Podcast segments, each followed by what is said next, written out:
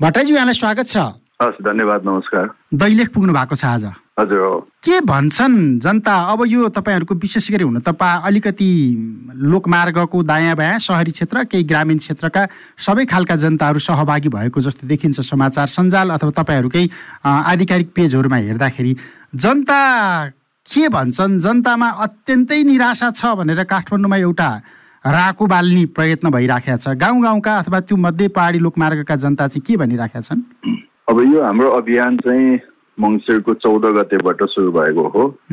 हामी तडीबाट बैतडी डडेलधरा त्यसपछि डोटी अछाम हुँदै दैलेख पुगेका छौँ। र आज दैलेखमा विभिन्न कार्यक्रम हुँदै अपराह्न सुर्खेतमा पनि एउटा सभाको कार्यक्रम छ।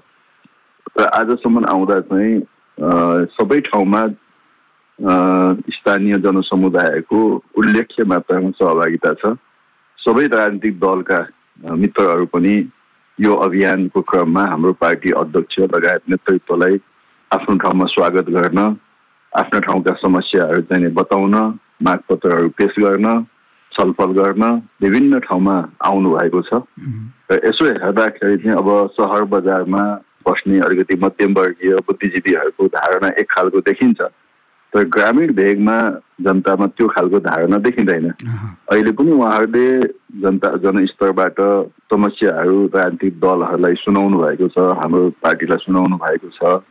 विशेष गरिकन अब गाउँ भेगमा चाहिँ रोजगारीका समस्याको बारेमा कुरा गर्नुभएको छ। शिक्षा स्वास्थ्य त्यसपछि पूर्वाधार बाटोघाटो हामीलाई अलिकति सुविधा चाहियो भन्ने कुरा उहाँहरूले गर्नुभएको छ। महँगी बढेको छ अलिकति बजारमा माल सामानहरू सस्तो पाइदिए हुन्थ्यो भन्ने उहाँहरूको भनाइ छ। साथै अब राजनीतिक दलहरूले अलिकति मिलेर मुलुकलाई सही दिशामा अगाडि बढाइदिए हुन्थ्यो भन्ने जनताको अपेक्षा छ. त्यो बाहेक अरू ठुलो अपेक्षा जनताको छैन। अब हामीले सकेसम्म एकदमै आधारभूत तहको जनसमुदायसँग उहाँहरूको सुझाव राय लिने कोसिस गरेका छौँ। तपाईँले हेरिरहनु भएको छ सञ्चार माध्यमहरूबाट विभिन्न ठाउँमा भएका सभाहरू जनताको उल्लेख्य मात्रामा किनभने अहिले पहाडी भेगमा एउटा त जनसङ्ख्यै कम छ.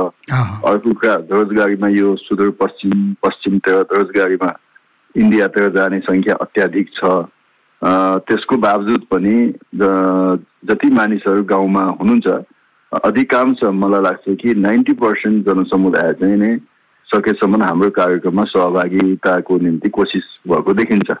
त्यस हिसाबले हेर्ने हो भने यो मध्य पहाडी लोकमार्ग जो नेकपा एमाले सञ्चालन गरेको छ र यो नेकपा एमालेको लागि मात्रै होइन सिङ्गो मुलुकमा एउटा जागरण पैदा गर्ने र अहिले देशभित्र जुन खालको अनुशासनहीनता अराजकताको अवस्था देखा परिरहेको छ अनि सरकार त्यसमा ठुलो ठुलो हेरेर बसेको छ सरकारले कुनै प्रभावकारी कदम चाल्न सकेका छैन त्यसो हुँदा नेकपा एमालेको माध्यमबाट एक किसिमको भन्नुहुन्छ भने यो पुनर्को अभियान जस्तो मलाई लाग्छ। यो पहाडको विकासको चुनौती पहिचान भनेर तपाईँले भन्नुभएको थियो। पहाडको समृद्धिका लागि के के गर्नुपर्ने रहेछ त्यो पनि हामी पहिचान गर्छौँ भनेर।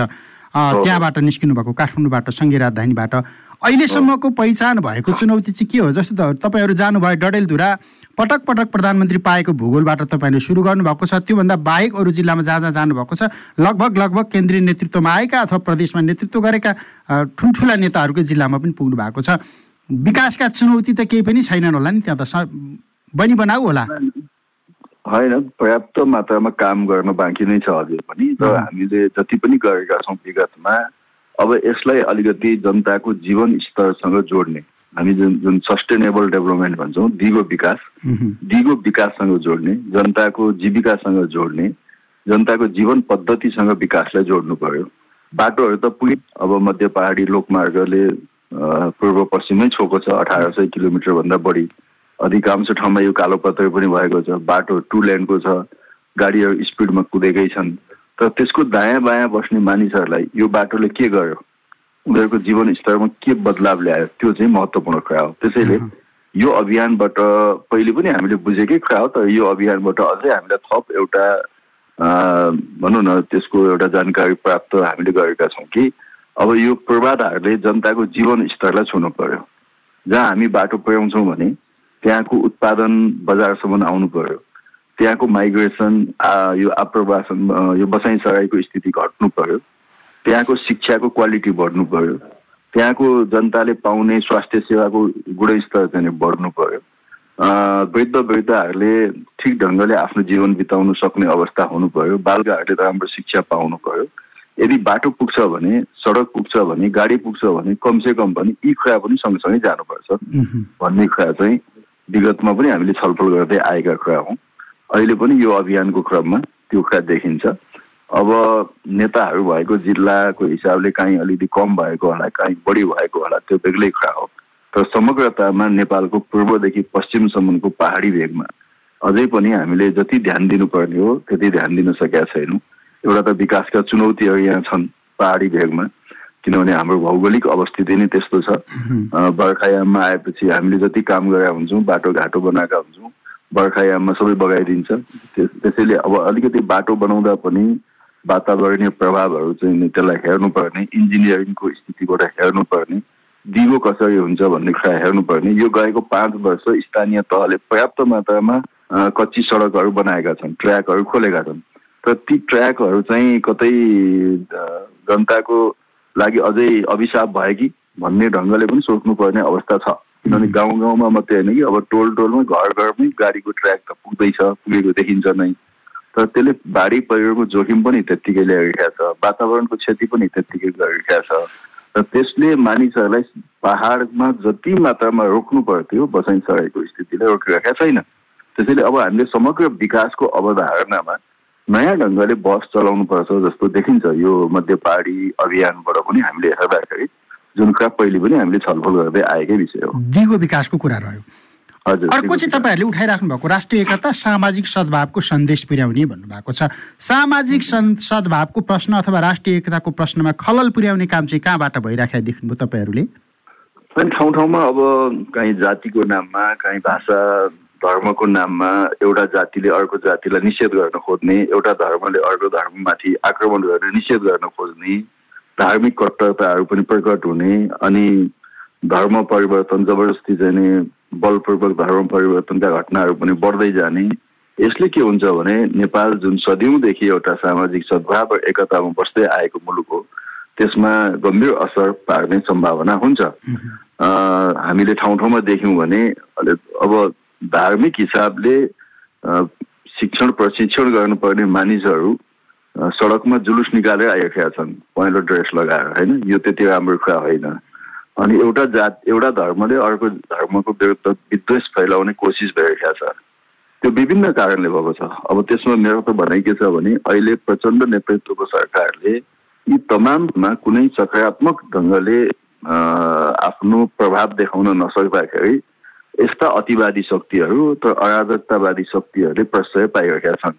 समाजमा काहीँ अतिवादी शक्तिहरू छन् काहीँ अराजकतावादी शक्तिहरू छन्। त्यसले प्रश्रय पाइरहेका छ। अनि कतिपय पुरातन पन्थीहरू पनि यो मौकामा टाउको उठाउन खोजिरहेका छन्। र यो हाम्रो अभियानले यी सबै कुरामा जनतालाई सचेत गराउने सजग गराउने जनस्तरबाट हाम्रो धार्मिक र सामाजिक सद्भावलाई कायम गर्ने तपाईँले देख्नुभयो भने हाम्रो अध्यक्ष नेतृत्वको टोली ठाउँ ठाउँका धार्मिक सांस्कृतिक स्थलहरूमा पनि हामी गएका छौँ। त्यसलाई कतिपयले सामाजिक सञ्जालमा अलिकति व्यङ्ग्यात्मक ढङ्गले टिप्पणी गरेको पनि मैले देखेँ। केही ठाउँमा जहाँ हामीलाई त्यहाँ पहेँलो ड्रेसहरू लगाइदिएका थिए। त्यस्तो ठाउँ त्यस्तोलाई चाहिँ नि कम्युनिस्टहरू विचारधारै परिवर्तन भएछ भन्ने अर्थमा भएछ भन्ने भए पनि टिप्पणी गरेको मैले देखेँ।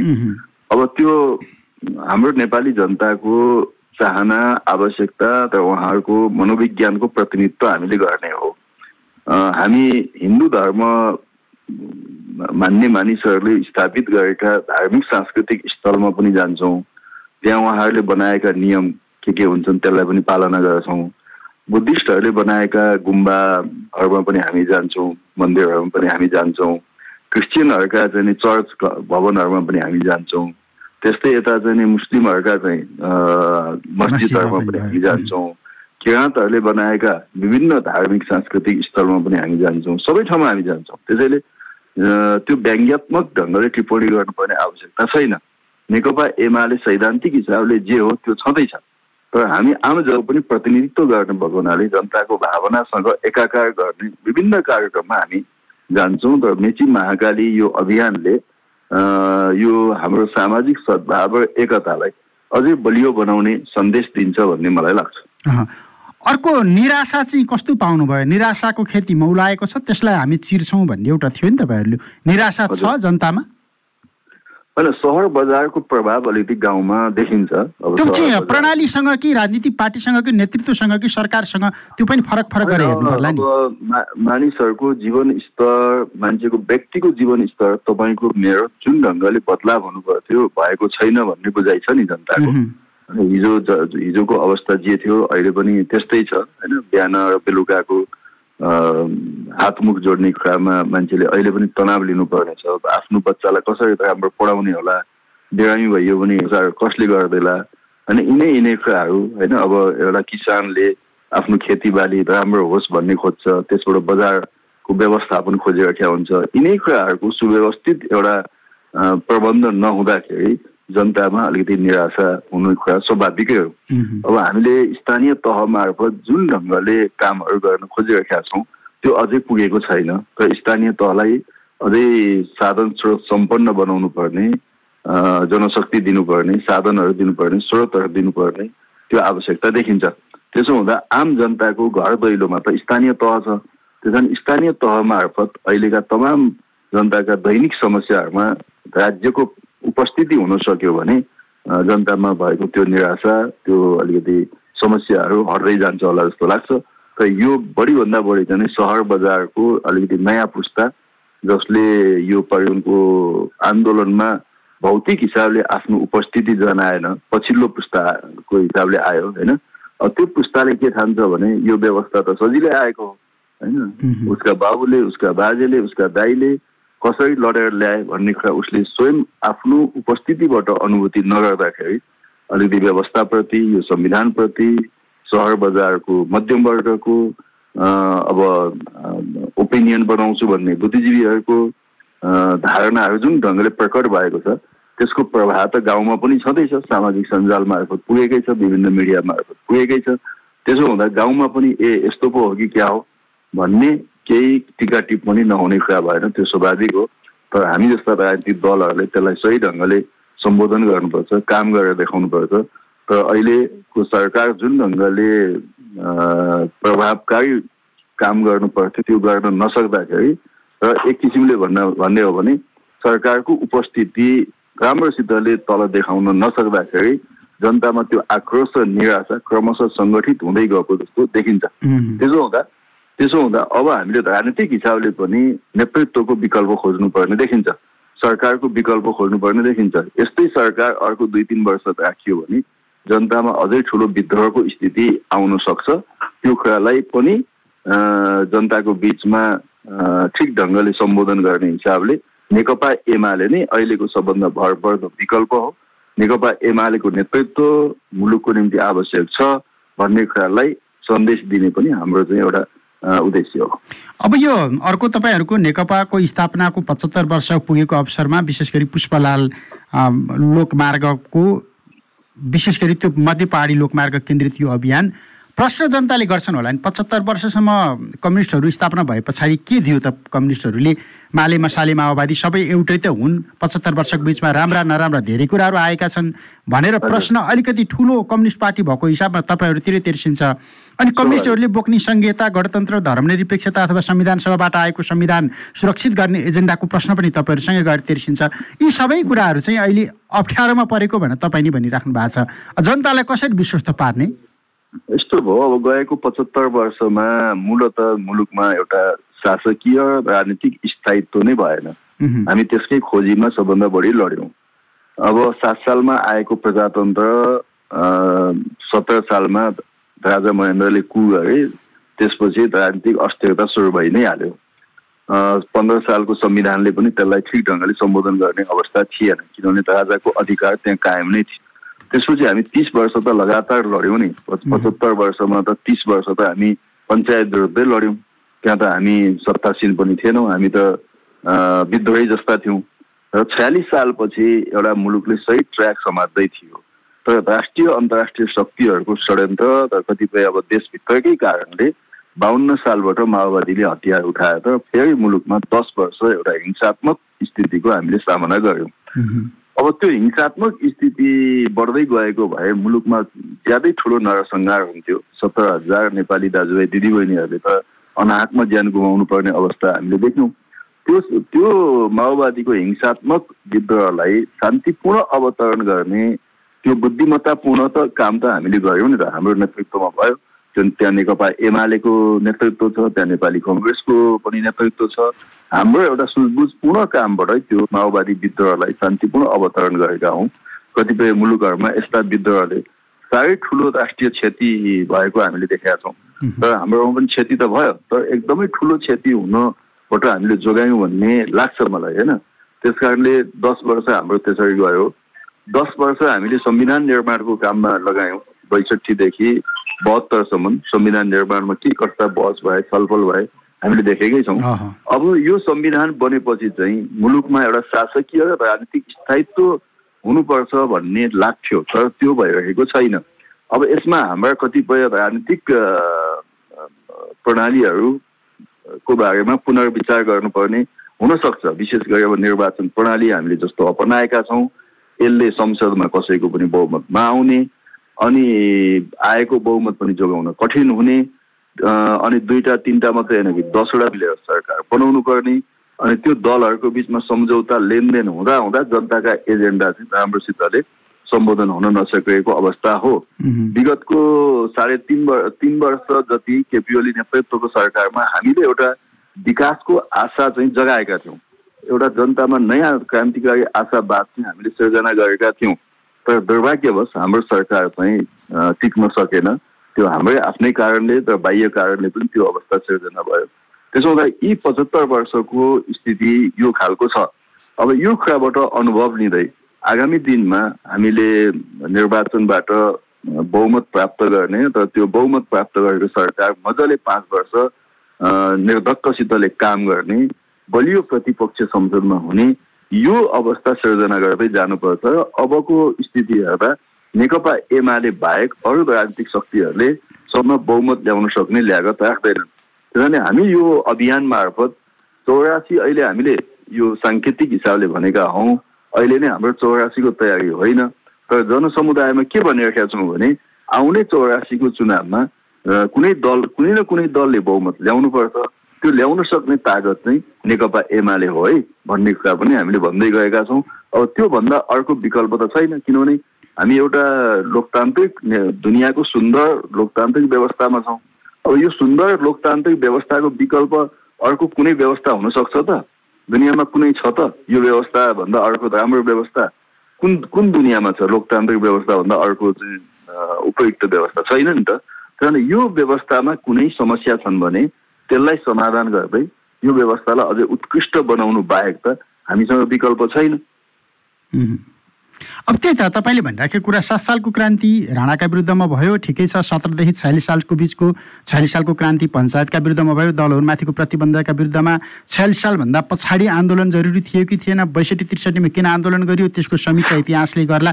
आजका दिनमा चाहिँ जनताले तपाईँले माथिदेखि भनिराख्नु भएको छ जनजीविकाको प्रश्न उस्तै छ अनि यो संविधान अनि यो प्रणाली पनि नभनौँ। अहिलेको यो व्यवस्था प्रणाली त हामीले स्थापित गर्न सकेनौँ। अनि यो प्रणाली यो व्यवस्था मात्रै हेरेर हामी चाहिँ कति समयसम्म बस्ने भनेर जनताहरूको जुन यो असन्तुष्टि र वितृष्णा छ त्यो असन्तुष्टि र वितृष्णा चाहिँ कतै मिसन चौरासीवाला नयाँ दलहरूले लगिराखेका छन् कतै यता राजावादी अथवा धर्मवादीहरूले लगिराखेका छन् भन्दा चुनौती त चौरासी सालको चुनाव अगाडि नै आउला जस्तो छ। सरकार के गर्छ भन्दा त्यसलाई चाहिँ निषेध गरेर ठेगान लगाउने हो दमन गरेर ठेगान लगाउने हो भन्ने ढङ्गबाट त्यो बाटोमा सरकार गइराखेको छ। अब सिङ्गो समस्या चाहिँ दलहरूमाथि भन्दा पनि प्रणालीमाथि संविधानमाथि परिराखेको हो कि भन्ने देखिन्छ कि? त्यसलाई चाहिँ तपाईँहरूको यो अभियानले रोक्न सक्ला कि नसक्ला? सरकारले त चाहिराखेको जस्तो पनि देखिँदैन। सरकारले त केही पनि गरेको छैन। प्रचण्डजी त ठुलो ठुलो हेरेर रमाएर बस्नुभएको छ। उहाँको लागि त यस्तै अराजकतामा अस्तित्व निर्माण गर्ने हो उहाँको सिद्धान्त त होइन?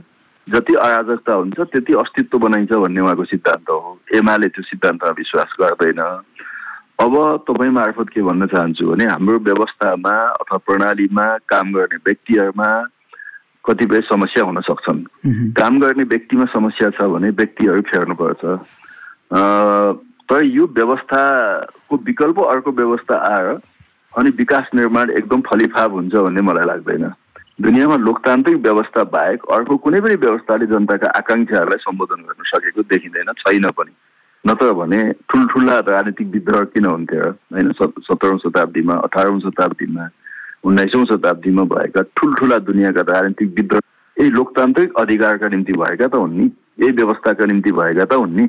त्यसैले अब फेरि पुरानो व्यवस्थामा फर्केर अनि नेपालमा चाहिँ सुनको सुनै सुन फल्छ भन्ने कसैले ठान्छ भने त्यो मूर्खतापूर्ण कुरा हो।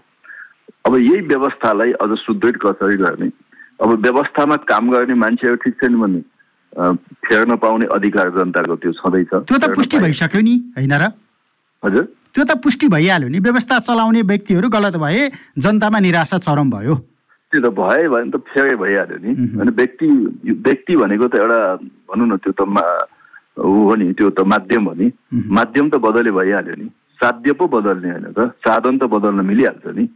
तपाईँ कुन साधनबाट जानुहुन्छ त्यो साधन प्रयोग गर्यो भने तर साध्य नै बदल्ने त कुरा त भएन। व्यवस्था भनेको त साध्य हो। व्यक्ति भनेको पार्टी भनेको अरू कतिपय कुरा भने त साधन हुन् नि। त्यो साधनले काट्न भने अर्को उत्तम साधन खोज्नु होइन? तर मलाई के लाग्छ भने आज जुन राजनीतिक दलहरू इतिहासदेखि निर्माण भएका राजनीतिक दलहरू छन् जनताको बिचमा स्थापित भएका राजनीतिक दलहरू छन् अहिले नै यी राजनीतिक दलहरूलाई निषेध गरेर अथवा विस्थापित गरेर कुनै अर्को चमत्कारिक व्यक्ति अथवा शक्ति आएर यो देश बन्छ भन्ने मलाई लाग्दैन।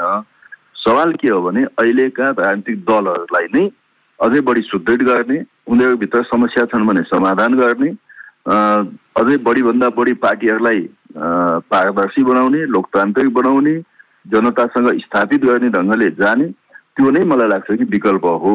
अब अरू कुनै विकल्प छ साधन अरू कुनै छ भन्ने कसैलाई लाग्छ भने साधनको खोजी गर्न त यो व्यवस्थाले दिएकै छ नि। अब यो अन्त्यमा लगभग समय सकिएको छ। यो परिस्थिति किन आयो भन्ने एउटै मात्र प्रश्नमा टुङ्ग्याउँ। चौसठी सालमा त्यो परिस्थिति यस्तो थियो। कोही उम्मेदवारी दर्ता गर्न जान सक्ने अवस्था थिएन। मेरो यो पार्टी भनेर झन्डा बोकेर हिँड्न सक्ने अवस्था थिएन। त्यो शक्ति आज सडकमा आएको छ र उसले राज्यको सेना समेत उतार्न पनि परिस्थिति सिर्जना गरिराखेको छ। यो मैदान चाहिँ कसले बनायो भनेर समीक्षा गर्नुपर्छ होला नि।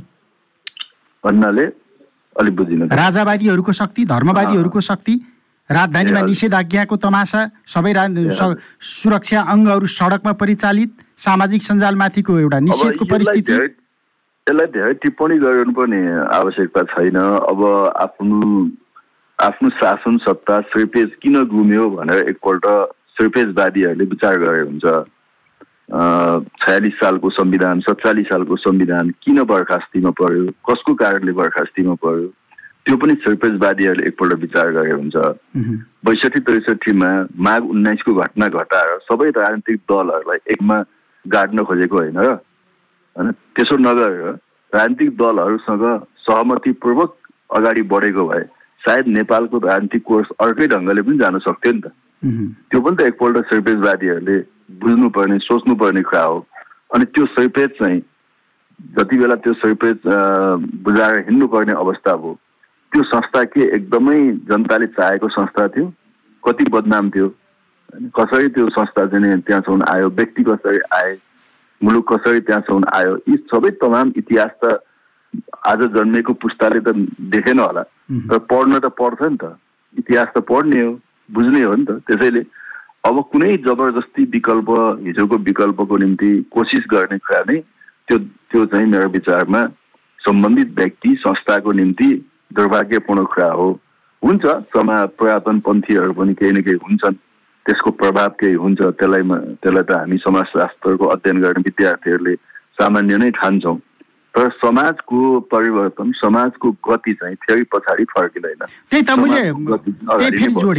पैँसठी सालको जेठ उन्तिस गते त्यो ढङ्गबाट राजदरबारबाट निस्किएको राजा अथवा तत्कालीन राजाको भूमिका नदेखिँदा नदेखिँदै पनि उनको पछिल्तिर यो जनमत किन जोडिएर गइरहेको छ। यो परिस्थिति राजनीतिले किन खडा गर्यो भन्ने प्रश्न नि त। नयाँ नयाँ सिर्पेतवादीहरू अलिक बढी भएर हो कि? होइन अलिअलि त हुन्छन् नि अब पुरानो विचारधाराका मान्छे हुन्छन् धर्मको आडमा कतिपय कुरा हुन्छ होइन? जातिको नाममा कतिपय कुराहरू हुन्छन्। यो दुनियाँका एकदमै सभ्य र पाँच सय वर्षदेखिका लोकतान्त्रिक अभ्यास भएका मुलुकमा पनि त पुरातनपन्थीहरू छन् भने हामी त भर्खर भर्खर एउटा लोक अभ्यास गरेको मुलुकमा त्यो खालका शक्तिहरू त्यो खालका व्यक्तिहरू समाजमा नहुने कुरा त भएन नि। त्यसलाई त्यसलाई चाहिँ एकदमै ठुलो यसले उलट पुलटै गर्छ। आजको शासन आजको चाहिँ राजनीतिक व्यवस्था नै उलट पुलट गर्छ भन्ने मलाई लाग्दैन। सत्ताको बुझाइ त त्यही रह्यो यो यो लोकतान्त्रिक व्यवस्थाको असफलता होइन। अहिलेको असफलता यो सरकारको प्रचण्ड नेतृत्वको सरकारको असफलता हो। लोकतान्त्रिक व्यवस्था यो संविधानको असफलता होइन। संविधान र व्यवस्थासँग अहिलेको प्रधानमन्त्री अथवा अहिलेको सरकारलाई जोड्नु हुँदैन। सरकारको असफलता हो व्यवस्थाको असफलता होइन। हुन्छ समय र संवादको लागि धन्यवाद। हस् तपाईँलाई पनि धेरै धन्यवाद।